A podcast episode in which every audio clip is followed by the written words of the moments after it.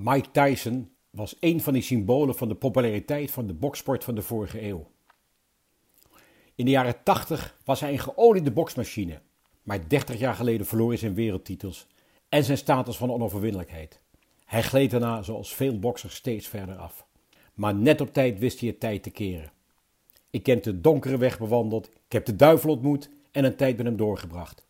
Op zijn 53ste werkt Mike Tyson aan een comeback. 11 februari 1990. Een snoeiharde uppercut op de kin. Mike Tyson slaat naar achteren en laat door de dreun meteen zijn dekking zakken. James Buster Douglas laat een hele serie stoten op het hoofd van zijn weerloze tegenstander los. Na elke voltreffer doet de wereldkampioen een stapje naar achteren. De zoveelste klap en links direct op de kaak blijkt de genadeklap. Voor het eerst in zijn profcarrière, die begon op 6 maart 1985, gaat Tyson naar de grond. Hij valt achterover en als zijn rug het canvas raakt, vliegt de gebitsbeschermer ook nog uit zijn mond. Hij blijft een paar seconden op zijn rug liggen, krabbelt dan op zijn knieën terwijl scheidsrechter Octavio Myron richting 10 telt. Zijn wenkbrauw en ooglid zijn zo erg opgezwollen dat het linkeroog niet eens meer open kan. Met zijn bonkshandschoenen raapt hij zijn bitje van de grond en doet hij voor de helft in zijn mond. Tyson staat op, maar zwalkt op zijn been als de scheidsrechter 10 roept. Na 1 minuut en 23 seconden in de tiende ronde slaat de scheidsrechter beide armen om het bovenlichaam van Tyson als teken dat het gevecht voorbij is. The biggest upset in boxing history is een feit. Tyson kwam ongetraind en veel te zwaar aan in Tokio voor zijn 37e profpartij. Zijn leven was op dat moment een rommeltje. En eigenlijk had het verval zich al ingezet voordat hij op 22 november 1986 op zijn 20ste de jongste wereldkampioen in het zwaargewicht werd na een overwinning op Trevor Burbick. Een jaar voor dat titelgevecht, op 4 november 1985, overleed Cus D'Amato op 77-jarige leeftijd aan een longontsteking. De beroemde bokstrainer had zich over Tyson ontfermd nadat hij op zijn dertiende werd ontslagen uit de jeugdgevangenis. Tyson, waar hij was terechtgekomen na 38 arrestaties wegens diefstallen, overval en mishandeling in Brooklyn in New York. En toen hij zijn straf uitzat, pakte Tyson het boksen op. De Mate haalde hem naar Catskill, 200 kilometer boven New York, waar hij zijn gym had. Tyson ging bij hem en zijn vrouw wonen en de bokstrainer werd zelfs zijn voogd toen Tysons moeder Lorna overleed aan kanker. Vader Jimmy Kirkpatrick had het gezin al verlaten rond de geboorte van Tyson. Zijn boksvader maakte van Tyson een Terminator, een meedogenloze boksmachine die iedereen binnen de kortste keren verpulverde in de ring. Niemand was sneller, explosiever en sloeg zo hard als hij. Tyson boezemde angst in. Zijn bijnaam luidde al snel Iron Mike. Na de dood van D'Amato werd diens assistent Kevin Rooney de trainer van Tyson. Het zakelijke deel namen de managers Bill Caton en Jim Jacobs voor hun rekening. Maar ze hadden minder grip op hem dan D'Amato. Zeker toen het geld begon binnen te stromen en hij volop aandacht kreeg. Knappe vrouwen stonden ineens voor hem in de rij, terwijl meisjes voorheen nooit naar hem omkeken. Uit het ruime aanbod koos hij actrice Robin Givens, met wie hij ruim anderhalf jaar na zijn titelgevecht in februari 1988 trouwde. Tyson veranderde steeds meer in een ongeleid projectiel. Ook buiten de ring gebruikte hij zijn vuisten steeds vaker. Hij sloeg zelfs zijn vrouw geregeld, vertelde vrienden dat she hit every fucking one in the apartment. En als hij zich in het uitgaansleven stortte, was niemand veilig voor hem. Steeds vaker greep hij naar drank en drugs, terwijl zijn depressieve buien en woedebarstingen alleen maar heviger werden. Een paar maanden na de trouwerij vulde Givens al de scheidingspapieren in. En in februari 1989 werd het huwelijk ontbonden. Voor de beruchte boxpromoter Don King was dat het moment om toenadering te zoeken. Team Tyson had alle goudzoekers jarenlang buiten de deur weten te houden, maar de gladpratende King wist Tyson te overtuigen met hem in zee te gaan. Coach Kevin Rooney werd ook meteen bedankt voor bewezen diensten, waardoor van het team waarmee hij de wereld begon te veroveren en met wie hij de onbetwiste zwaargewichtkampioen werd, niemand meer over was. Don King rook geld. Hij was al bezig met een titelgevecht met Evander Holyfield. Tientallen miljoenen gages en inkomsten uit tv-gelden lagen voor het grijpen. Als opwarmertje moest de 23-jarige Thijssen even naar Japan om Buster Douglas in elkaar te slaan. Douglas was weliswaar de eerste uitdager, maar was zeker geen slechte bokser. Had drie jaar eerder al een keer om de IBF wereldtitel gevochten tegen Tony Tucker. Was in die partij knock-out gegaan in de tiende ronde, maar stond op dat moment wel op punten voor. De man die in zijn vrije tijd boeken van Shakespeare las, zal volslagen kansloos zijn, dacht iedereen. Ook de Japanners dachten dat, waardoor de Tokyo Dome met 35.000 man voor iets meer dan de helft gevuld zat. Drie weken voor het titelgevecht had hij ook nog eens plotseling zijn moeder verloren op slechts 46-jarige leeftijd. En een paar dagen voor het gevecht kreeg hij ook nog te maken met een griepaanval. Zelfs een slecht getrainde Iron Mike moest deze klus, die hem 6 miljoen dollar zou opleveren, makkelijk kunnen klaren. Volgens de bookmakers was Tyson met 42 tegen 1 zwaar favoriet. Wat betekende dat elke ingezette dollar op Douglas bij winst 42 dollar opleverde. Met Holyfield als aandachtig toeschouwer op de eerste rij bleek al snel dat Douglas, in tegenstelling tot de meeste tegenstanders van Tyson, niet bij voorbaat berust in een nederlaag. Hij zocht de aanval, iets wat de wereldkampioen niet gewend was.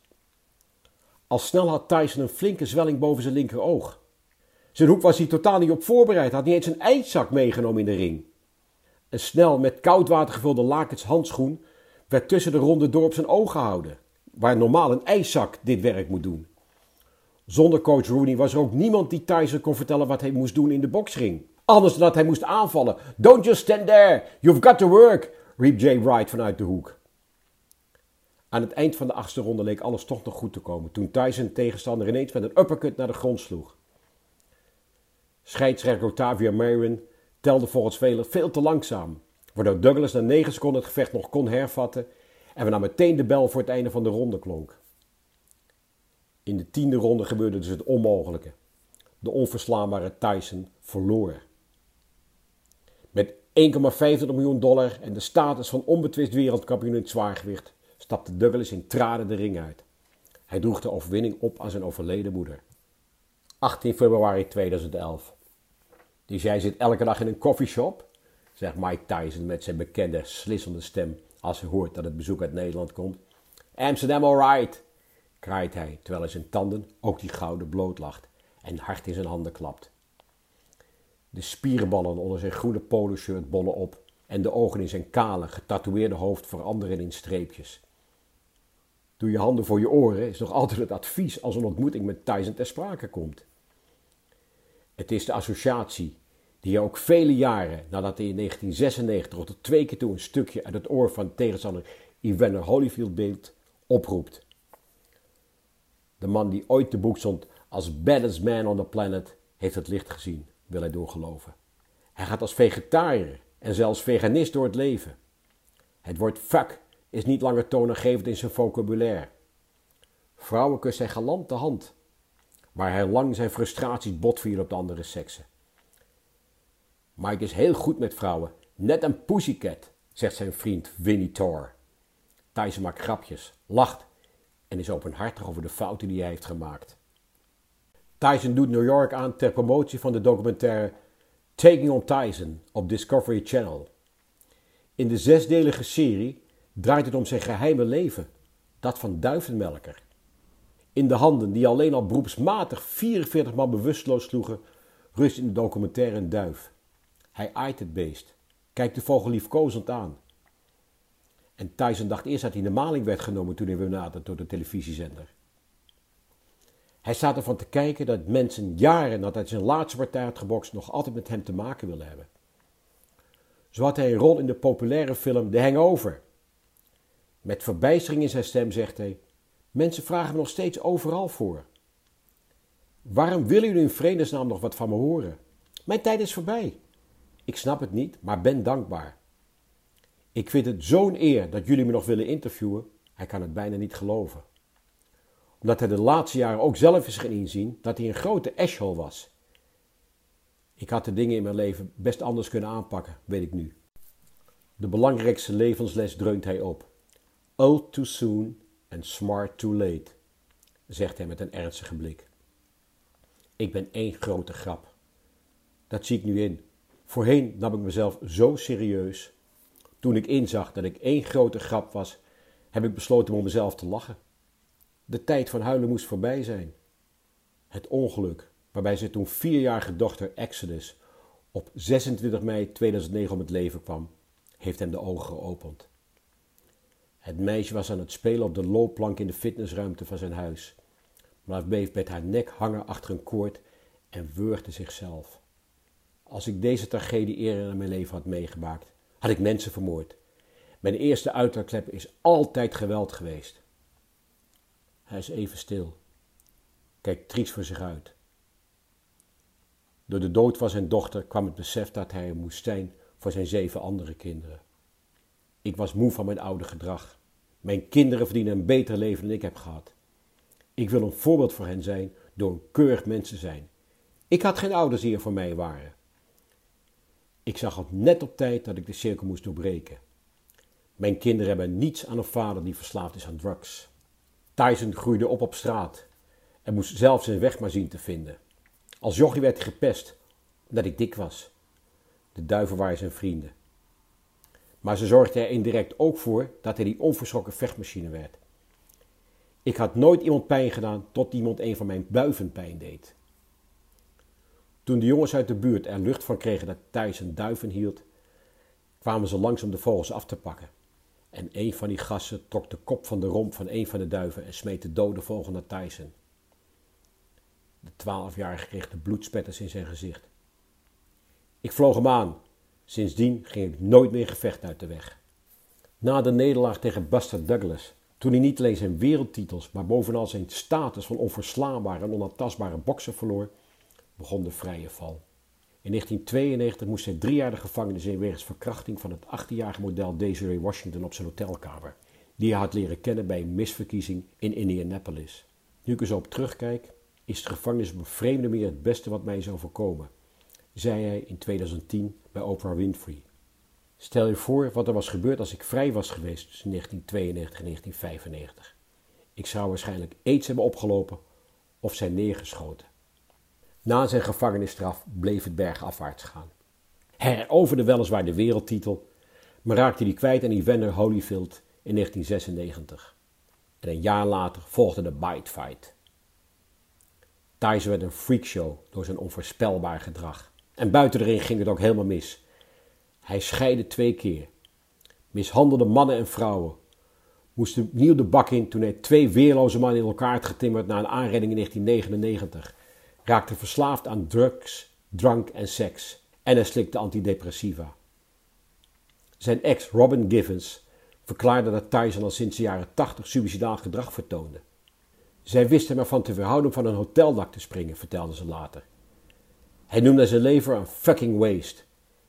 Ik gebruikte cocaïne om depressies te beteugelen, bekent hij hoofdschuddend. Zijn geld joeg er doorheen. In zijn carrière had hij bijna 400 miljoen dollar aan gages en andere inkomsten opgestreken. Maar toch werd hij in 2003 failliet verklaard. Door zijn verslavingen, rechtszaken, alimentaties, belastingsschuld en buitensporige levensstijl was alles verdampt. Sterker, had een schuld van 50 miljoen. Alleen al tussen 1995 en 1997 gaf hij het volgende uit. 9 miljoen dollar aan advocatenkosten. 230.000 dollar aan telefoonkosten. 4 ton voor een verjaardagsfeest. 65.000 dollar voor limousines. En het onderhoud van zijn tijgers, die hij hield als huisdieren, kostte nog eens 8000 dollar per maand.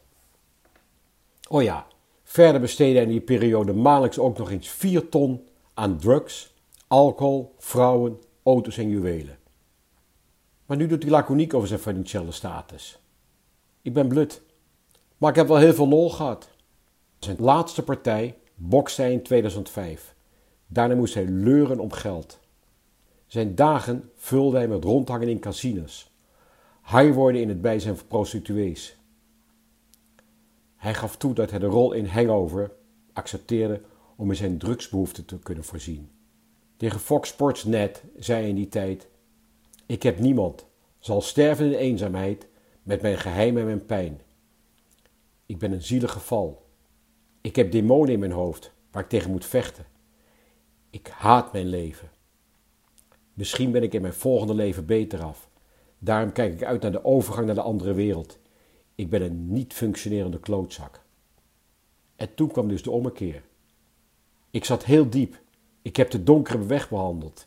Ik heb de duivel ontmoet en met hem doorgebracht. Hij bezocht afkikklinieken om van zijn verslaving af te komen. Ik leerde mezelf kennen. Merkte dat ik een jaloers, zielig mannetje was. Ik raakte verslaafd aan afkicken. Ik was een uithangbord van de kliniek, want ik ging naar vijf meetings per dag. Ik hield van de kameraadschap die ik daar voelde. Geweldig. Tyson geeft niemand de schuld van zijn problemen.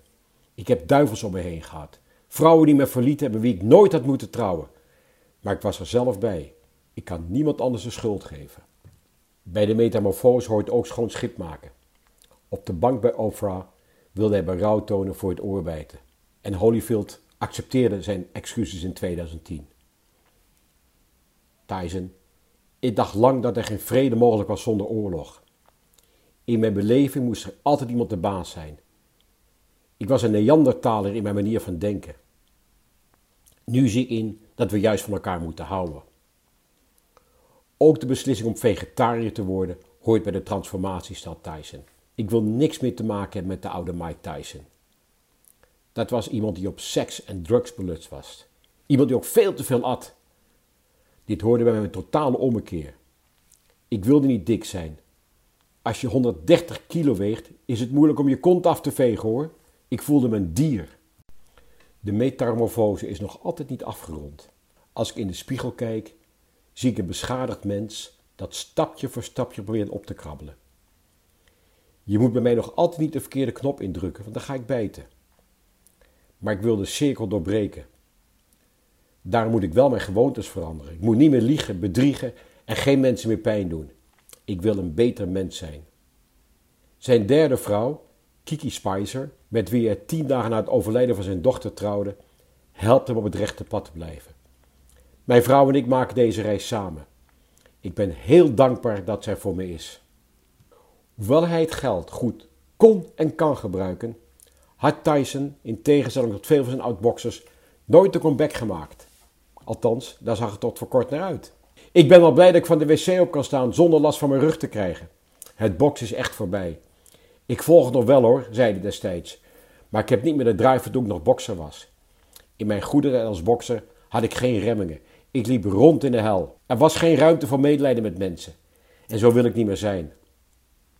Natuurlijk had hij meer uit zijn loopbaan kunnen halen. Als hij eerder had ingezien dat hij verkeerd bezig was. Maar spijt heb ik niet. Ik kan zeggen, als die vrouw me toen geen blowjob had gegeven, was het ook anders gelopen. Maar die fouten moest ik maken om te kunnen worden wie ik nu ben. Hij zegt het niet zo interessant te vinden of hij het maximale uit heeft gehaald. Staat niet stil bij wat hij heeft betekend voor het boksen. Was Mohammed Ali de beste?